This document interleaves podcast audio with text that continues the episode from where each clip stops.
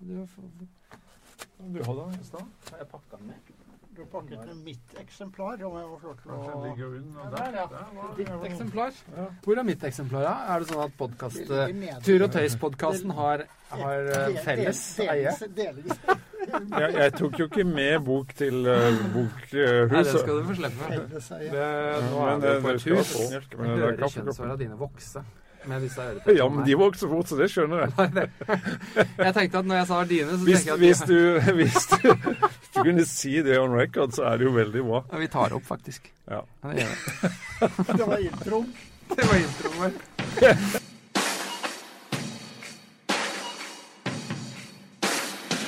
Du lytter til Tut og Tøys med Alexander Gamme og Lars Ebbesen.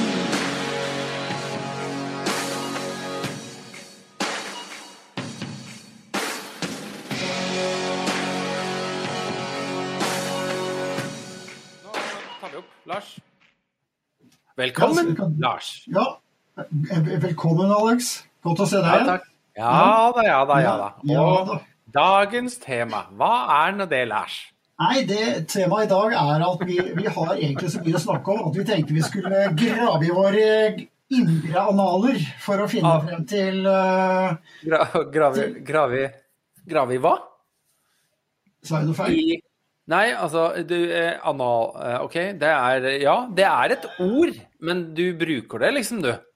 Det, du graver i dine analer før du skal ha podkast med meg? Nei, nei, nei ja, nå, nå vil jeg kanskje La oss kalle det krønikere, da. Vi er litt mer som Fantomet. Vi går inn i, Ja. i den lille snøhulen, sånn uh, snøhulen vår, som er da formet som et uh, dødningshode. Og der blar vi opp de uante mengder med gullopptak som vi har gjort tidligere, for å glede folk litt senere enn de er tatt opp. Ja, fordi det her er jo Vet du hva, nå har vi da bestemt at vi, vi har jo gravd da i dine analer. Hvis du vil virkelig ha det på den måten, så kan du godt si at vi har gjort det. Nå Men, veldig, eh, veldig, jeg Men jeg vil eh, gjerne, jeg vil gjerne tydeliggjøre at vi har da kikket i noen gamle mapper, for oss som er litt mer i den digitale. For oss som ikke er inne i fantomhjula. Men eh, her, vi har jo altså, eh, En av våre utfordringer er at vi ikke har klart å produsert eh, raskt nok. eh, Fordi, men vi har jo tatt opp eh, masse ting som vi ikke har publisert ennå. Og, og noe har gått ut av moten, eh, og noe holder seg jo. Eh, Så jeg er sikker på Odd Harald er jo sikkert kjempeglad for at vi i hvert fall nå, halvannet år etterpå, eh, publiserer eh, saken vår om Ja, vet, han kom med den boken før forrige jul, og, og, og eh, det blir jo et kaos. Da tra, tråkker alle på hverandre og leter rundt, og det blir ikke noe salg av det. Så vi, vil heller, vi er for det derre etter julesalget, etter at alle de gode prisene har vært, ett år senere. Da føler vi at det må være en bra tid. Du mener rett og slett at med vår eh, enorme eh, lytterskare, så kunne vi rett og slett ha skapt eh, butikkaos hvis vi hadde Ja. sluppet, sluppet inn der her før jul, ikke Ja, hvis alle våre 43 skulle ut og kjøpe, Det hadde jo Og samme dag. Ja, på samme dag. Så da hadde det plutselig hadde ødelagt alt. Og, og, og vi, altså En ting som vi er utrolig tro mot, det er litt utradisjonelle markedstiltak. Der- Derfor kommer vi med det første juletilbudet her nå Ja, i februar. ja. Ja? Så, og, og så er det jo en tid hvor, hvor eh, jeg tenker den boken vi skal snakke, skal snakke om her nå, er, er bortimot perfekt. Fordi vi trodde jo at eh, alle skrek sånn nyttårsaften at å, helvetes 2020, eh, ha det bra, måtte du aldri dukke opp igjen. Og så er 2021 akkurat likt, kanskje litt verre. Eh, så dette må jo være en fin tid å dempe turlysten, tenker jeg. Jeg syns det er eh, et fantastisk eh, genialt eh, tiltak. Eh, det er sånn, som jeg sier. Eh, genialt enkelt og ganske enkelt genialt. Altså, vi, vi tar eh, brodden av din turlist med å eh, presentere et opptak om Odd Harald Hauges bok om polare tragedier. Og der er det jo fantastisk eh, mye artig. Det er jo, det er jo litt sånn derre, Lars, at det er eh, Du ser jo på, da, på noen av disse historiene at det er jo eh, det er kort vei fra liksom vinnerlista til taplista. Altså hvis du kaller dette her tap, taplista, og du ser på Altså, det kunne liksom ha hendt at Nansen og Johansen osv. hadde havna over på denne lista her i stedet. Ja. Øh, det er ganske greit i dag å minnes på at det er, det er en kort vei av og til. Mellom- Sånn som f.eks. hvis ikke Nansen hadde fått opp børsa tidsnok når, når Johansen lå under den isbjørnen, så hadde han jo vært med i denne boka istedenfor å være kanskje Norges eh, mest eh, anerkjente og største polartur noensinne. Men eh, nok om det. Skal vi, skal vi slippe oss sjøl til? Ja, vi bare, vi bare slipper til et, et gammelt gullopptak, og så ønsker vi alle en riktig god fornøyelse. Og hvis det er ting de stusser over, så kan det være fordi det ikke ble tatt opp i går. ikke veldig bra. Ja, veldig bra. Ok. Ja, god fornøyelse. Velkommen, velkommen, mine herrer, mine damer og herrer. Eh, fortrinnsvis herrer og alt det imellom. Eh, Lars, eh, velkommen til deg. Takk skal du ha. Takk, Eh, takk. velkommen takk, til meg. Takk igjen. Velkommen til oss. Vi sitter faktisk i et studio, og nå har vi igjen eh, Vi har fantastisk lyd. Nå er det bare har- jeg Hører du Det det? som er feilen med det, at man bare prater i munnen på hverandre, sånn som Lars og jeg alltid gjør. Men eh, hva skal vi gjøre, Lars? Vi skal eh, ta for oss en, eh, en ny bok som er skapt for oss som eh, ikke sover om natten. Ja! Og det er en fantastisk bok! og Jeg gleder meg som en hund til å lese den. Og det er jo, eh, skal vi si, vår favoritt, favoritt, favorittforfatter som har skrevet den. Det er podkastens favoritt. Det er den, pod- den forfatteren vi har hatt klart inne på flest podkaster. Tur og Tøy sin stamgjest, forfatterbesøk. Velkommen, Odd Harald Høge. Takk, takk. Og det var en deilig innledning. Ja, og det er jo jammen ikke lenge siden sist vi Nei. satt her. Nei, det er ikke det. Nei.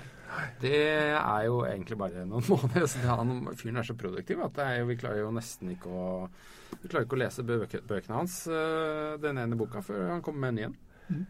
Polarhistoriens største tragedier og mysterier er en fascinerende blanding av mot, overmot og uvitenhet. I jakten på ære, berømmelse og rikdom dro polfarerne til ytterkanten av den kjente verden, men mange kom aldri tilbake. Odd Harald, eh, første som slår meg, er så, så hva, hvor, hva ligger liksom den der dype fascinasjonen din for disse tragiske historiene? Ja, vi, vi tre rundt bordet her, vi er jo glad i å dra langt på tur. Uh, og selv om vi jo tilhører den moderne verden, så har vi jo frosset så mye at vi vet uh, vi er litt fascinert over de, de første, de som dro ut da ikke det fantes kart, og de ikke visste så mye, og vitenskapsfolkene fortsatt trodde det var varmt på Nordpolen pga. midnattssola sånn. Det er jo fascinerende. Uh, disse, det, er jo disse som er pionerene. Uh, så store deler av den av verden var jo uh, uoppdaget av den hvite mann. Um, det var ikke uoppdaget av de som allerede bodde der. Men uh, så mange av disse historiene er jo fra så tidlig at um, det ikke fantes kart og ikke noe kunnskap. Så den måtte de jo surt erverve seg og bøte med livet for den sure ervervelsen. Men det, de, altså, hva er første første tur ut? Hva er den tidligste eh, Jeg begynner på 1550. Det er vanskelig å finne kilder på sånne tidlige ting. For da var det jo ikke mange som dro nordover. eh, Nei, det var Men um, vikingene var jo godt rundt og oppover. Ja, åt, jeg har ikke, den er jo ikke med i boka annet enn så vidt nevnt, men altså Ottar fra Hålogaland, verdens nordligst beboende viking, ble han kalt. Bodde nok langt, langt opp i Lofoten eller noe slikt. Han seilte altså til Kvitsjøen på 850-tallet Mm. og handla med bjarmene i Bjarmeland. Um, og dro da til uh, en av de engelske kongene, for det var jo ikke England ett kongerike, kong Alfred, og fortalte om dette. Og da er det for øvrig første gang ordet Norge uh, brukes om uh, Om er Norge? fra Ja, fra Otterhav og Hålogalands tid. Han bruker ordet Norge. Um, men hva er det for noe med den Kvitsjøen? Hvorfor skulle liksom alle det? det, var jo Ja, det var God fisk? kult navn. Eh, Det, det var eh, handel med, med bjarmene, altså russerne. Um, og, og det var jo pelsverk, uh, først og fremst. Så um, noen av disse første ekspedisjonene hadde jo, og særlig altså den første i 1550, han sir, sir Hugh Willoughby, han var en del av Henrik den åttendes hoff. Det er lenge siden, det. Um, Det er før, det er før Lars ble født. ja, eller, flere år før. Så det er Og da, Stakkar Lars og da, um, da var det handel som gjaldt. De, de, ekspedisjonen var altså De kalte det altså ekspedisjon eh, til nye land. Um, og de skulle drive handel. Uh, og da seilte de altså nord for Nordkapp. Og da var det de som satte navnet Nordkapp første gang. Mm. Før, før det het det Murmansk i Noss. eh, nordmennenes nes. Det var det russerne som hadde satt. Um, men han, gikk, altså han ble valgt til ekspedisjonsleder. Han har aldri vært til sjøs. Så har aldri vært lenger nord enn Skottland. Det ble, var en veldig dårlig idé. Veldig, veldig, veldig dårlig idé. Ja, og Ja. I hvert fall sette han som leder, kanskje. Ja, først og fremst det. Men, Men, liksom, eh, hva, skjedde det noe mellom Otto holdt jeg på å si, og, og disse første som dro nordover? Eller var, liksom, Det- var det en Det må ha vært st- stillstand ganske lenge, men Vardøhus festning er grunnlagt i 1320. Så um, det Man lager jo ikke en festning hvis ikke det er for å beskytte noe. Uh, så det, det var nok ganske mye handel mellom vikinger og bjarmene i Bjarmeland eh, når det var grunnlag for å lage en festning. Det var ganske øde i Vardø. Eh, Det er det vel fortsatt, men i 1320. Men du kan si at når disse her, Det som er interessant, er jo da at eh, det er jo aktivitet i nordområdene. Ja. Det er jo folk som bor der og handler der og sånt noe. Og så kommer disse ekspedisjonene, og så baserer de seg på kunnskap som ikke er helt avstemt med lokalbefolkningen. Det kan du si. De som lagde kart på den tida, de, de satt jo i urbane strøk og tegnte veldig fine kart, da. Um, men de var kanskje ikke helt riktige. Nei, men altså de slutt, Alle kart sluttet jo ved polarsirkelen. Ja. Inntil man skjønte at det bodde noen i Norge lenger. Måtte de lage en liten sånn hull i polarsirkelen. Og de, de, um, de, visste jo liksom ikke om, om var Nordpolen var det land, eller De trodde jo kanskje at det strakte seg land over hele Polbassenget. Um, Ja, det De- man jo langt opp i Nansen Amundsen også. Ja visst. Uh, og de, de hadde jo veldig liten forestilling om, om, om avstander også. Og, og denne forestillingen om at, at um, de kunne seile nord for, for Russland, som det for så vidt ikke het engang, uh, og, og komme raskere til Kina, eller Nordvestpassasjen, altså nord fra Amerika. Det het jo ikke Canada ennå. Um, det, dette var jo, Men de, de hadde veldig liten forestillinger om avstander. Uh, og misvisningen var jo også De hadde jo ikke funnet den magnetiske Nordpol. Uh, så det der med å fastslå misvisning når, når kompasset har 30 grader misvisning, så ble det litt vanskelig. Um, der var det bedre, men vikingene hadde ikke kompass. Nei. Så de måtte helst se land. Og når de ikke så land og ble i tvil, vet dere hva de gjorde da? De slapp, de hadde med seg ravner. Og så slapp de en ravn, og ravnen steg til værs, og så fløy den mot nærmeste land. Smart. Utrolig kult. Ja, det er smart. altså. Ante ikke. Det Nei, det har, jeg, det har jeg ikke vært i nærheten av å høre. Men altså, var de så Er det liksom en fasit? Altså, de, de, de flyr aldri feil? Nei, det tror jeg det, Uansett hvor mye skjørbuk eller alkohol de har fått innabords etter en lang seilas? Ravnene? Nei, de, de, um, de tar nok aldri feil. Um, altså, den gangen ravnen tok feil, de har vi ikke hørt om, for de kom aldri tilbake og fikk Det var, fortalt om kanskje, det. det var kanskje da de dro fra Grønland over til Amerika siste gang de samla alle og dro, så tok ravnen feil. Og så, Kanskje det. og så kom de. Derfor vet man ikke hva som skjedde. Nei, altså jeg, jeg skriver jo om Barents er en av historiene, og Barents um, er jo kjent for å ha oppdaget Svalbard. Um, han trodde han var på Grønland. Ja, når den Ja. kom til Svalbard. Ja, Ja. det trodde han. Men det er jo ikke så Altså, Da prater vi misvisning. Ja, Altså, det er et lite stykke. Columbus trodde han var i India. Så det er liksom what's wrong? Det er, eh, Det er mye tettere på. Mye tettere på. Ja. Altså, eh, Barents hadde faktisk vært på Grønland, um, men han trodde at, at Grønland da gjorde en sving og så kom ned igjen. Så at, han var liksom, at det var en bukt, en grønlandsbukt bukt som dukket opp som Svalbard. Jeg tror det. Du, når du Ja, unnskyld. eh, Men Fant de ut av misvisning på den tiden? Eller altså, når skjønte man misvisning? Nei, i- Eller var det bare at de justerte kortene ettersom misvisningen Det De, jeg er ikke helt sikker på, men magnetiske Nordpol De skjønte at, at det fantes en magnetisk Nordpol. Uh, og den var det i Det er en av de andre historiene om forløperen til den berømte Franklin-ekspedisjonen.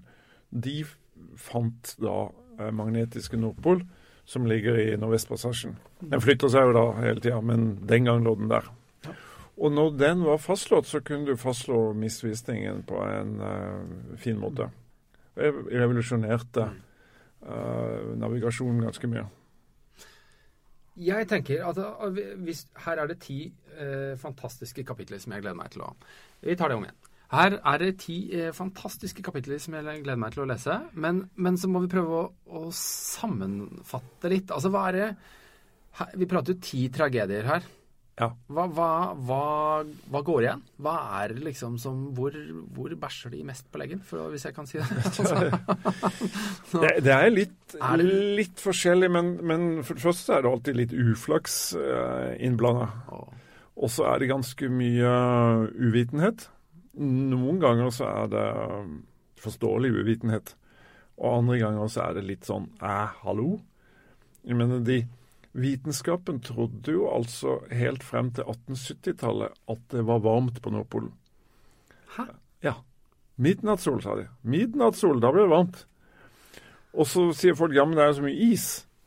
Ja, men det er bare sånn isbelte som kommer ut fra elvene eh, og sånt. Sånn at når du bare er gjennom det isbeltet, så er det plain sailing til Nord, eh, Nordpolen. Paradis. Ja, ja, varmt og godt. Og fint. Man trodde jo det var fastland eh, selvfølgelig veldig lenge. Ja, men altså, du visste ikke det, Frem til fastlandet eventuelt, så var det bare det var sånn middelhavsseilas. Det er klart at det, det gjorde jo noe med denne Jeanette-ekspedisjonen, verdens eh, en av verdens mest uheldige ekspedisjoner. Det er 1879 eller sånn.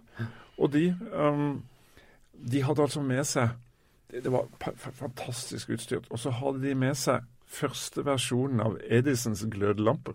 Ja, ikke sant. Ja. Fordi der uh... Men det var før han hadde putta wolfram i, så de varte jo ikke så lenge. Altså, de fikk faktisk ikke lyse, de. Og så hadde de med seg uh, første versjonen av Bells telefon. ja, Min navnebror. Ja. 1876 kom den telefonen. ja. Og disse dro i 1877, tror jeg. Så de hadde liksom med første prototype, versjon 1.0. 1.0 telefon og 1-0 glødelampe. Det er veldig high-tech. Altså, hvem hadde de tenkt å ringe? De, de, Når du Ja, har den hvem? eneste telefonen? det, det, den, første som, den første som fikk telefonen, hadde jo lite bruk for den. Ja. Eh, Men nei, de, de hadde jo med seg ledning. Også de som var ute på isen, kunne da ringe til the mothership. ah, Veldig kult. Um, det virka ikke, da. Nei. Uh, så så hadde de tenkt å ha med seg en ballong. Dette var også tidlig for ballonger. Uh, sånn at de kunne uh, fylle den med helium, og så kunne de sende opp ballongen med et par mann, og så kunne de se hvor det var lurt å seile. mm. Det er jo ganske smart, Mm. men den droppa de, for det ble så mye helium. Um, og ble mye ballonger. Uh, så det Ja, så de skulle tatt en drone istedenfor? Ja, det skulle de nok. Ja. Men, men disse, den ekspedisjonen den var basert på at, at det fantes en golfstrøm i Stillehavet også. En Den heter Black Current, og den går opp forbi Japan og opp Beringstredet. Og det var bare å seile opp og følge denne, og så banke seg gjennom det lille isbeltet, og så var det raka sporet fulle seil til Nordpolen. Mm. 1879. Ja. Hele USA sto bak. Klappet. Hva skjedde? Sånn Ja, altså, og, å, Vi må ha med sponsoren til, til Joss DeLong. Det var, det var Bennett. Han eide hva- Thomas var- Bennett? Nei, han het, han het James Gordon Bennett. Å Han ja, var, Reise-Bennett. nei, ikke, Nei, ikke han ikke Bennett. han Bennett. Avis-Bennett. Han, han eide New York Herald. Ja, ver- han var verdens mektigste avis. Og han trodde ikke på å vente til nyhetene skjedde. Du måtte lage de. Så det var han som sendte Stanley ut for å finne Livingston i Afrika. Altså, Livingston trengte jo ikke bli oppdaga, men eh, Stanley var Så Stanley hadde, skulle også vært med på den ekspedisjonen, eh, men han sendte en annen isteden. Alt henger Ja, sammen med og alt. alt det gikk eh, George DeLong var, var altså ekspedisjonsleder. Han var en Shackleton. Fy faen. Han var jo dyktig. Banna du på Tørre Theis? Ja. Ja, det går ikke an. Det, skal, det, ja, ja. Pip. Ja, det, det er ingen mindreårige som hører på det. Ja. Når vi først er inne på Jeanette-ekspedisjonen, altså, hvordan, hva var deres endelikt? Dårlig. Selvfølgelig. Det er derfor de er med. Men, men altså, da, da skuta ble skrudd ned av isen eh, etter et par år innefrosset, eh, så slepte de med seg alt um, i retning Sibir i månedsvis over polisen. Um, bare helt til helvete. Um, men det siste stykket var det jo vann. Da måtte de seile i tre små livbåter. Og frem til da hadde jo ikke Joe Stallone mista en mann, og ingen skader, ingenting. Og så fikk de storm på vei til eh, Sibir, og det gikk jo ikke spesielt bra. Um, og så hadde han bestemt seg for å, å gå i land eh, i Sibir ved eh, utløpet av Lena, elva Lena. Det skaper verdens største delta og er verdens dårligste sted å gå i land. Um, dette var jo da basert på samme kartfolkene som sa at det var um, varmt på Nordpolen og sånt. Ja, han var uheldig, altså. Men han, han greide det nesten. Og noen av folka greide det. Ja, han, han er en Shackleton. Det er um, Men hvordan kom de seg tilbake? Mener, det er jo ikke Det er ikke noe tog Nei. derfra. De ringte jo tydeligvis ikke. De labbet nedover Elena og traff noen innfødte. Ja, det tok jo uendelig lang tid. Og, og én etter én så falt de om. Um, men noen greide å dra seg etter neglene til de fant noen uh, lokale. Her. Så usedvanlig store distanser. Ja, det er det. En, bare Lena-delta delta er jo omtrent som Sør-Norge. Um, og du finner ikke veien og alt det gjørme. Og nei, det, det var veldig dårlig. Han kunne kommet inn nesten hvor som helst. Så hadde det gått ganske bra. Ja, det er jo, Hvis de trodde det var varmt, varmt og, og kult, på, så er det utrolig at de klarer seg så bra. For de må jo ha vært et he kuldehelvete. Ja, men du vet som eh, på, på Polhavet om sommeren, Mm. så er det egentlig ikke kaldt. Nei, men det er bare en del av året. Det er bare Så- en del av året. når de kom inn til Sibir, så ble det jo 40 kuldegrader Mm. og, og veldig kaldt i fingervantene. Um, så um, de frøs jo i hjel. Ja. Men det er jo en liksom misforståelse. For eksempel eh, kaptein André, ballongferden. Verdens teiteste. Åh, den er deilig. Ja, men du, du, kan ikke du finne den, så må du bare lese den første setninga i Kaptein André. Det er, det er bra, vet du. Um, Første setning. da blar vi oss forbi Ja. her. Her er eh, kapittel 9, side 229. Ingeniør Andrés ballongferd mot Nordpolen. ja, du må begynne egentlig der. Ja, da leser jeg høyt. Da er det lesestund. Uh, halstrykk Det var en dårlig start. Halstørklær av silke. Hansker av kalveskinn. Champagne. Portvin. Leksikon i flere bind. En hvit brodert duk med frynser. En dregg av messing. Flere hengelåser med nøkler. Brevduer. Dette her, her var vi da ikke inne fra stua til Odd Harald, men vi er da altså Dette er, også altså, det, er utstyrslista til kaptein André. Ikke hele, men, men en del av den. Og det, det, det, det er den dumme Halstørklær av silke, ikke Jeg vil sant? si en, en dregg i messing. den, den tok de med seg hele veien. Ja, men det har aldri vært en dummere ekspedisjon enn kaptein André. Uh, og det, men han er jo en folkehelt i Sverige. Så jeg går ut fra at dette ikke sendes i Sverige, så vi kan le godt av det. Ja, vi, vi, vi, vi tar gjerne imot klager og hat fra vår, fra vår eventuelt svenske, svenske lytter, så det, det går nok helt fint. Men hva, altså, de, de, hva gjorde André riktig? Er det noe? Nei. Altså, han startet fra Svalbard. Det var vel for så vidt uh, Det var vel ikke det dummeste, fordi Men uh, hele Kom hans de mer enn ni meter over vannet? Ja, ja, de var høyt. Å ja, ja, det var ikke det som var problemet. Men hele hans idé bygget jo på det faktum at det skulle blåse sønnavind på nordspissen av Svalbard. Um, og, og, det skulle vedvare over Polhavet uh, og ned til Russland. Han, han, hadde med seg rubler og dollar. Uh, så de kunne egentlig havne hvor som helst. Men dette er jo egentlig på en tid hvor vi vet at, uh, at drivretningen i Polhavet er motsatt vei. så her kunne han ha slått opp og fått litt hjelp. Han kunne. Og det, de, de, satt hele første eh, sommeren satt de på Svalbard og venta på Sønnavind, og den kom jo aldri. Men det var, og det er fascinerende, dette er jo ti år før Longyearbyen ble grunnlagt, men det var mange turistskip på nordspissen av Svalbard, for dette var jo en, en verdensnyhet, som kom opp dit med rikfolk for å se på kaptein André. Og så neste sesong så kom han tilbake. Da var han ikke fullt så høy i hatten, men, men han hadde like mye champagne og silketørklær og alt. Og når det da plutselig ble sønnavind en, en natt, så Selv om du har ligget og ventet i to sesonger, så blir du litt overraska. Sønnavind. Og da ble det jo et helsikes kaos for å komme seg av gårde og få revet den der hangaren, og de kasta seg i kurva, vet du. Og de, de, de dundra av gårde. Ja, og så hadde de, sånne, de hadde slepeliner med seg, så mange hundre meter, som skulle gjøre at de kunne styre ballongen. Og den, de tvinna seg ut, så de mista de etter 500 meter. Og etter det så var de retningsløse. ja. Men det er noe med altså, Du kan si hva du vil med mange av disse, eh, både disse historiene og andre, men det er noe med det derre det vågemotet som du ikke på noen som helst måte finner i dag. Altså fordi at du blir jo helt forkasta og fordømt.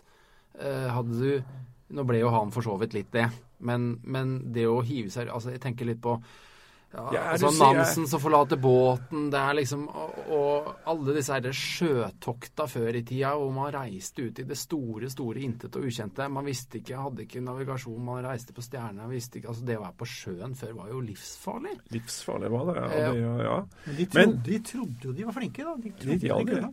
Men altså, hvis du tenker på Jeg har hørt folk som har sittet på stoler med, med gassballonger og bare tatt seg opp. Ja, så det er jo ja, Nok om det. det er jo Gale folk finnes jo i dag, har jeg hørt. Ja, men altså, mens vi sitter her, så går jo Børge og Mike eh, over Nordpolen på det. Det er risikosport, det. Det er risikosport. Det, det men jo, apropos André, de får nå til helgen sin første storm fra syd. Oi. Og det er den André hadde trengt. Det er For den var ja. også tvers over. Oh, ja, det, du prater om Børge og Mike. Ja. De får, den, de ja. får den, stormen som André burde ha hatt, hadde trengt. Mm. Ja. Det hadde vært lenge, lenge for de å vente helt til nå. Men um, Og så har du jo han karen som uh, friklatrer uh, El Capitan. Det er ikke noe okay, mindre sykt enn Nei, da, det er jo uh, André. Det er, det, er, det er, mye drøyt her. Men, uh, det er, uh, men når vi ser disse her, her altså, ti kapitler. Det er mye havseilaser selvfølgelig fra gamle tider, hvor det handla om handel, eh, nykolonisering etter hvert. Eh, ja. Selvfølgelig makt og prestisje i, eh, i, små og store stater. Og, og det, det, er jo mye på sjøen her. Og det er klart at eh, skjørbuk er jo en gjenganger i mange av disse historiene her, er det ikke ja. det? Jo. Det, tok, det var ikke før i 1913 at norske forskere påviste C-vitamin, at det var C-vitaminmangel som førte til skjørbuk. Så, de, men de visste jo Så, så Lindstrøm hadde bare flaks, han altså? ja, jo, de, At han tok med seg men det var da de multene sine. De påviste. Altså da var de på en måte Men i mange miljøer så var jo det her med at man måtte få tak i noen sitrusfrukter godt kjent i Men det kom jo ikke ut. Det var jo ikke adoptert Nei, altså, i det store og det hele. Det, før, før, hermetikken kom, um, ble oppfunnet av britene, og de, og de uh, trodde jo at det var redningen. Uh, men det, for det første så forsvinner nesten alt C-vitaminet når det blir varmet opp og puttet i en hermetikkboks. Mm. Så det er egentlig ikke noe særlig hjelp. Og så ble det isteden en annen dødsfelle fordi alle de første, de første 100 år med hermetikk, så forsegla de da eh, hermetikkboksene med bly. Så når du da Og dette gikk jo uh, når, du fikk, uh, når det var lime i disse boksene, så løste det opp blyet. Så de drakk blyoppløsning. Og blyforgiftning er en snikende dødelig uh, tilstand som rammer veldig mange ekspedisjoner, også noen av de som er i boken. Men det tok lang tid, først i vår tid, at de greide å påvise at det var blyforgiftning. For i sin samtid så ble det feid under teppet, og hermetikk var jo løsningen. og ja. Så kan si I vår tid er ikke skjørbuk noe, noe case, egentlig, fordi det tar borti fire måneder før C-vitaminet du har i kroppen, er borte.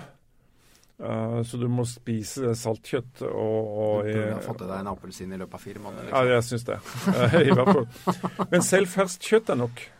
Ja. Uh, og litt grønnsaker og, og sånn. Så de, de som um, De som var på f.eks. overvintra på Svalbard og skjøt sel og, og slikt, og spiste det, de gikk det helt fint med. ja, fordi dette har jeg lurt på lenge, at det holdt faktisk, det. Ja, det holdt. Fordi det er jo inuitter og alle de der Ja, som ja. har levd i århundrer, nesten uten en eneste sånn appelsin. Ja da, det, du må ikke, behøver ikke Til alle lyttere som hater appelsiner, bare dropp det. Skyt en sel. det spis selkjøtt isteden. Det smaker helt jævlig. Fem om dagen blir vår neste sponsor etter dette her. Nei, men, men eh, det er jo veldig eh, interessant at de visste så lite, og at um, eh, dette med ferskt kjøtt eh, var noe som noen få trodde på fordi de etterligna inuittene. Mens liksom de høye herrer som satt i London i Royal Navy og sånt, de trodde ikke noe på det. Um, så eh, det, det var bare å fortsette med hermetikken.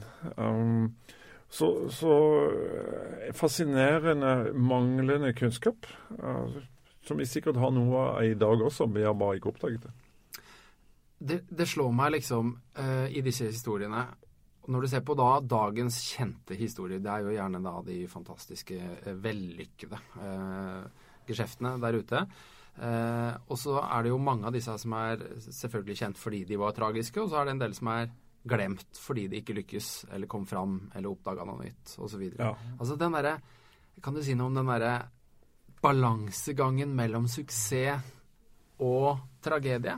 Altså, Du har jo vært gjennom noen masse historier hvor du ser nyansene. altså det kunne, Er det litt sånn terningkast? Ja, det, det, det, du, de, de det gikk galt med her, har jo, en, eh, har jo også hatt et element av uflaks. Um, I den først, aller første i 1555 så var var det først eh, mange hundre år etterpå at eh, forskere kom frem til hvordan de døde. Og de, de var i to skip uh, på Kolahalvøya. Og så eh, var det ganske naturlig at istedenfor å forsøke å, fyre opp to båter eh, gjennom vinteren, så samles de i én og i ett oppholdsrom.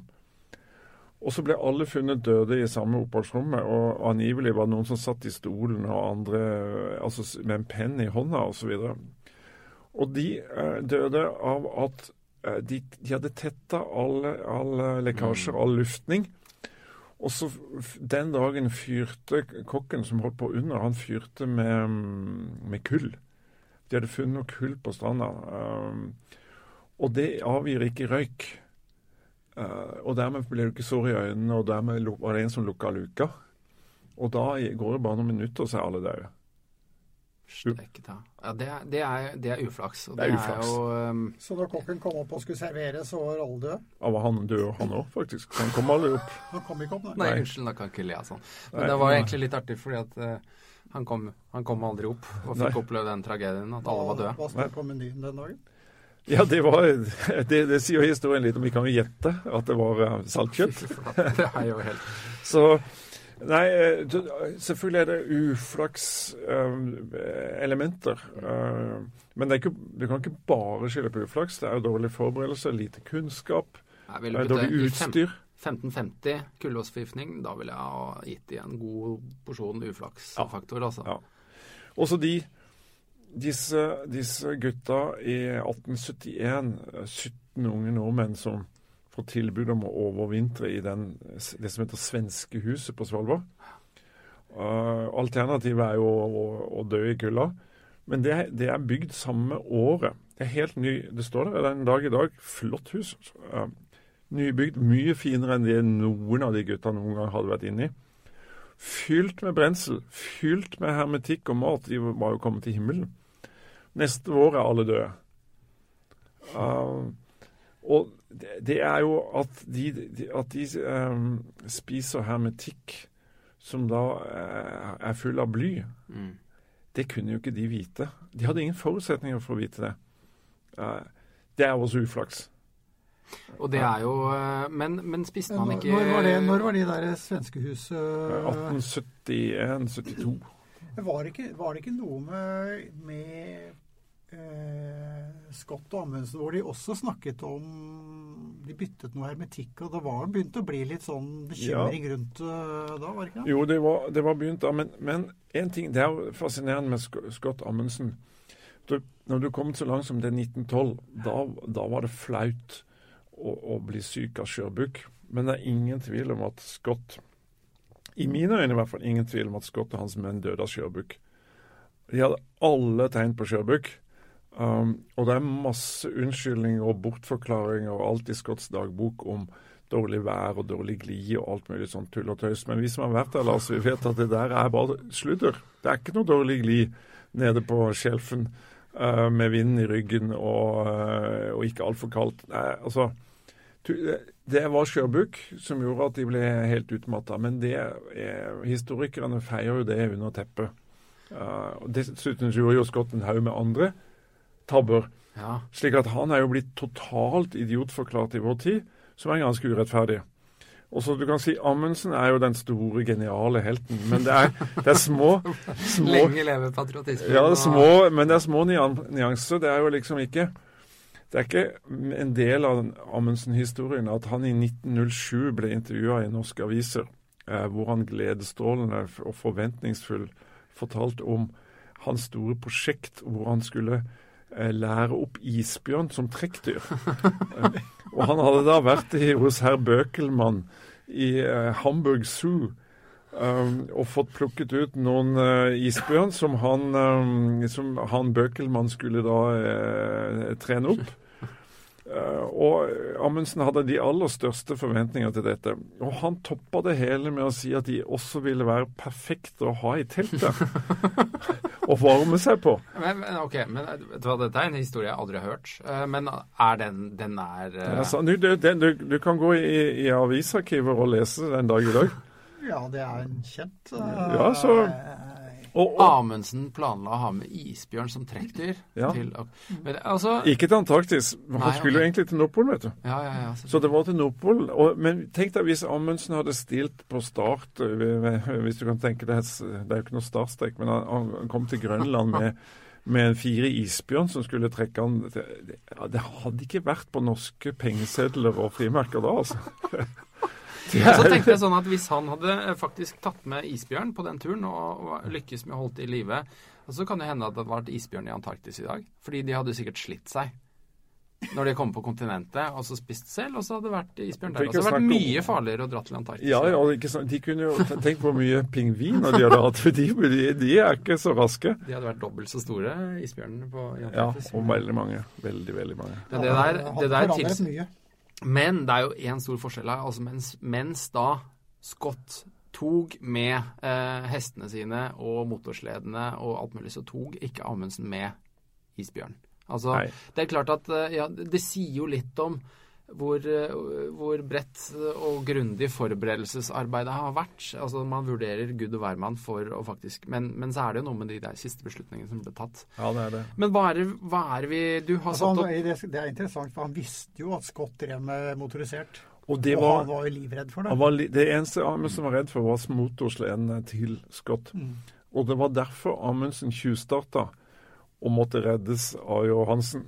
Um, og starte på ny igjen. og starte på ny, og det var jo en skamplett i, på, på Amundsens rulleblad, hvordan han håndterte Ja. det. Uh, Men alt skyldtes motorsledene til, til Scott, og, og de var egentlig en god idé. Men han som kunne motorsleder, han fikk ikke lov å bli med på ekspedisjonen. Enda han var en av Scotts uh, nærmeste venner. Og det skyldtes at en sponsor tvang seg med eh, og forlangte å bli nestkommanderende. Og han ville ikke ha med denne motormannen. Så sledene var med, men ikke mekanikeren. Så de kom jo bare ja, husker du Lars? 20 km. Ikke det engang. Den ene sank med en gang. Det sank fort, men jeg tror vi kom noe lenger, øh, faktisk. Men det var utrolig teit. Men, men, men, så Men det er jo et på en måte sånn Der er vi jo inne på litt den der balansegangen. Det kunne faktisk ha gått mye, mye bedre. ja, Bare pga. at han der forbanna sponsoren mm, ja. også på den tida satte sitt preg på turen. Men så, så ville de også overlevd hadde det ikke vært for at Scott uh, var så soft. Fordi da de la ut um, depot eh, året før, så skulle de legge det, det som het one ton depot på 80 grader syd. Og det brukte de hester til. Men når de nærma seg 80 grader syd, så var jo hestene sleit som bare det. Og han som var sjef for hestene, Oates, han sa vi kjører de så langt, og så skyter vi de, og så legger vi de som en del av provianten. Men, men Scott kunne jo ikke ta livet av ei flue, så han la eh, depotet på 79,30. Oh. Åh, rookie mistake. Ja. Ja, han var ikke engang rookie, for han hadde vært der før. Men, ja, ja, big, big, big mistake. Men det gikk jo ikke bedre enn at hestene døde på vei hjem. Så det var jo ikke noe det, Dyre venn Scott fikk jo ikke noe ut av det. Men da de til slutt omkom, så omkom de jo bare 14 km fra det depotet på ton 79,30. Hadde det ligget på 80 sånn som det skulle, så hadde de nådd det med god margin. De kunne fortsatt ha omkommet av sjøbruk, for de hadde jo bare fått i seg mer av det samme. Men, men ja. Det, det var mange sånne små detaljer som, som hver og en kunne ha gått riktig vei for Scott. Men han, han, han skyldte mye på uflaks. Og så, og så skriver biografer og sånn at han var dårlig til å planlegge, og det er bare tull. Han var veldig god til å planlegge. Han elsket å planlegge, og det var egentlig litt dumt, fordi at han, han hadde den eh, psyken som gjør at hvis du skal ta fly klokka ti, og det siste du må være på flyplassen er kvart over ni, og så tar det en halvtime å kjøre, da drar du hjem fra kvart på ni. Og hvis ikke det da rekker det, så er det uflaks. Det er jo ikke det. Og han, han hadde jo altfor lite mat på hvert depot. Eh, det var sånn, Han måtte finne det på akkurat de fem dagene til neste. ellers så gikk det, altså Han hang etter neglene hele tida. Han hadde ikke marginer. ingen marginer, de var dårlig merka. Ja. Uh, Og det hadde Amundsen. Han, var, jeg husker det, han, hadde, han planla hvert depot, så hvis han skulle miste et depot, så hadde mat faktisk landa ja, neste. så det var planlagt på en helt annen måte. og og det, det var liksom ikke sånn uh, millimeterpresisjon som eh, Scott var jo Royal Navy. Så han elska egentlig å planlegge. Og hele vinteren uh, mens, mens Amundsen menn satt og filte og pussa på, på sledene, så, så lagde de jo internaviser og spilte gitar og lagde dikt. Og brukte ikke Trygve Gran til å lære dem å gå på ski. Nei. Når det var utevær, så spilte de fotball. Det, Så er, det er det liksom- er fælt å leve med. Men, du, men det, jeg leser jo mellom linjene her at du har egentlig fått mer Har du fått mer sans for Scott eh, sånn etter arbeidet med boka her og det du har skrevet? Ja, jeg syns i hvert fall det å fremstille han som verdens største idiot, det ble feil. Eh, De, de gjorde jo også en sinnssyk innsats. ja. Altså, det er ikke dårlig levert å gå inn der på den tiden de gjorde det heller. Nei, det var uh, han, han Og de hadde en fyr uten ski.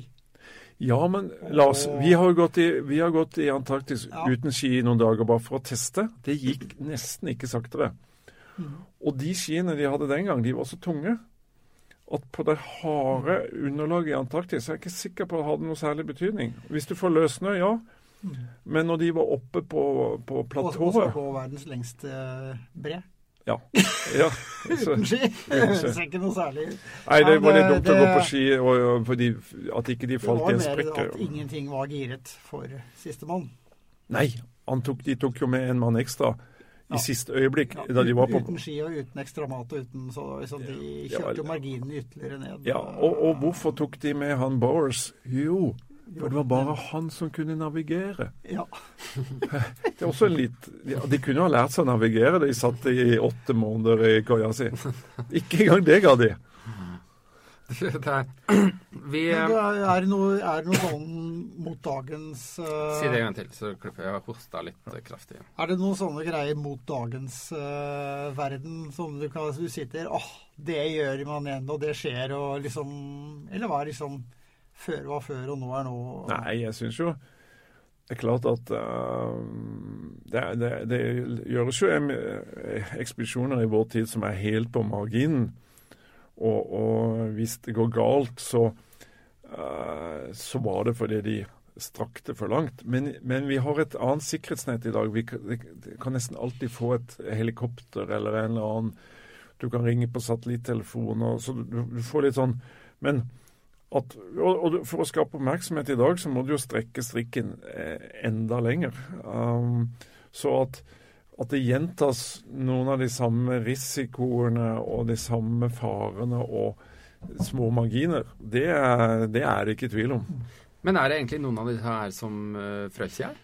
Altså, for vi har vært gjennom uh, Ikke sant. Har, jeg tenker uh, Skjørbuken, den, den har vi nok lagt vekk for godt, forhåpentligvis. ikke sant? Og, og blyforgiftninga, den er ikke, det, er ikke, det er ikke den største risikofaktoren på dagens uh, Nei, det, det, kan du si. Men kullosen, den er jo en snikende Det er fortsatt uh, tar, tar livet av folk skummel. som ligger i telt i, i ny og ne rundt omkring i verden, og, som, og, hvor det blir for tett. Kanskje det snør delvis ned, og så dør de av kullosfyr. Så det er, så folkens, det er en, luft, luft når du fyrer primus. Det ja, er stor, fyre, mye kullus. Fyre primus i teltet, dangerous. Men, Men frøs de i hjel? Veldig, veldig uvanlig å fryse i hjel, faktisk. Um, Sulte i hjel gjorde de også uh, noen ganger, men fryse i hjel? Nei. Og det, det, er jo ikke Vi vet ikke hvor mange som har frøst i hjel, vi heller. Det er ikke det er, Nei. Kulda er overvurdert, altså. Det er, um, det er men eh, nå skal vi snart få lov til å slippe deg løs, eh, Odd Harald. Du skal ned her på Gyldendal og holde litt foredrag om da Jens Munchs sin eventyrlige eh, livsreise. Ja. Men jeg, et siste spørsmål før vi, før vi runder av. Eh, her har vi jo ti skjebner, vil vi jo si. Altså det går jo dårlig før eller senere, ja. uansett. Eh, de er i en bok om polare tragedier. Eh, hvis det liksom skulle måtte gå så galt, hvem hadde du valgt å vært med på? Hm. Det er et godt spørsmål, altså.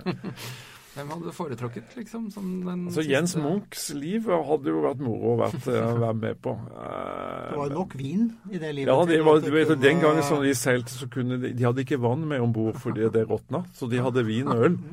De, og de drakk opptil ti halvlitere om dagen. Det er mye, altså. Men jeg, så det, det frister selvfølgelig. Um, Ville du vært med Barents? Be, nei, Bering. Bering, vet du. Han, Bering var eh, Det var eh, stilige greier. Hvordan gikk det helt på slutten med han?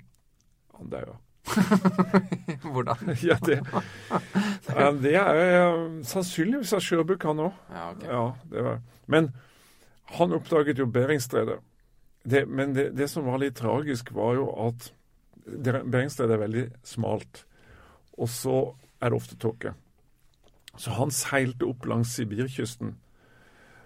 Og så sto de og speida inn på land i tåka, og så så de fjellene på Sibir, og så seilte de opp gjennom stredet, og så svingte det mm, landet riktig vei, og så og så seilte litt til, og det var ikke noe mer land, og så snudde han. Uh, da var jo han bare så vidt over polarsirkelen, men allikevel så kalles han en polfarer. det er jo liksom, men, uh, Og så var det tåke på, på hjemveien òg. Sto fortsatt og, og kikka inn mot land. Og så sier legenden at det, det, tåka letta litt, så hadde han kasta et blikk over skuldra, og så hadde han sett Amerika. Oi. Men det gjorde han aldri. Var de så langt vest? Ja, det er så som Du kan se begge, begge sider. Hvis du seiler gjennom stedet, så kan du se begge. Men, men han, han, snudde seg aldri. Så de der tre minuttene med sol, det gikk han glipp av. Altså. Så jeg skulle gjerne vært med der og så sett den andre veien. Jeg trekker tilbake alt når jeg sa se så langt mot vest. Eh, ja. Beringstred er ikke rare greiene. Og det er veldig grunt. Så her, ja. Um, ja. Han, selvfølgelig hadde han jo sett Amerika. Hvis han snudde seg, ja. Ja ja, ja. Men han gjorde ikke det. Men så du ville vært med han? Ja, ja det... også, også, neste ekspedisjon, det var jo ti år etterpå. For Han brukte jo ti år frem til, fra derfra og tilbake til St. Petersburg for å legge, avlegge rapport, og så dro ut igjen. Det er en kultur, det. Og da dro han ut og oppdaget Alaska og Amerika fra øst Nei, fra vest. Fra vest ble det, ja. Den, da han gjorde det, så hadde ingen seilt lenger nord enn California. Wow. Er langt fra California til Alaska. der, eh, der eh, Beringer virra rundt. Vitus Beringer. Han var dansk. 1725 til eh, 1741. Han ble jo ikke gamle skrotten. Ja, men det var ekspedisjonstiden. Ja. Han ble nok en, han ble nok en 60 år. Uh, Det, ser, jeg, det skjønte ikke helt Å, skal vi se Barents, han Han ble jo ikke mer enn tre år. Dårlig Nei, jeg burde hatt en liten Jeg har sånn, ikke fått eh, lest boka ennå, så jeg gleder meg til å ta den med hjem og lese den. jeg burde hatt en liten asterix der som står under 'Dette er ikke levetiden'. Men først skal vi ned og høre på Odd Harald, og vi gleder oss til å høre hele og fulle hele historien til Jens Munch. Og hvis du har lyst til å høre på den, så legger vi ut den som podkast, og den ligger på listen.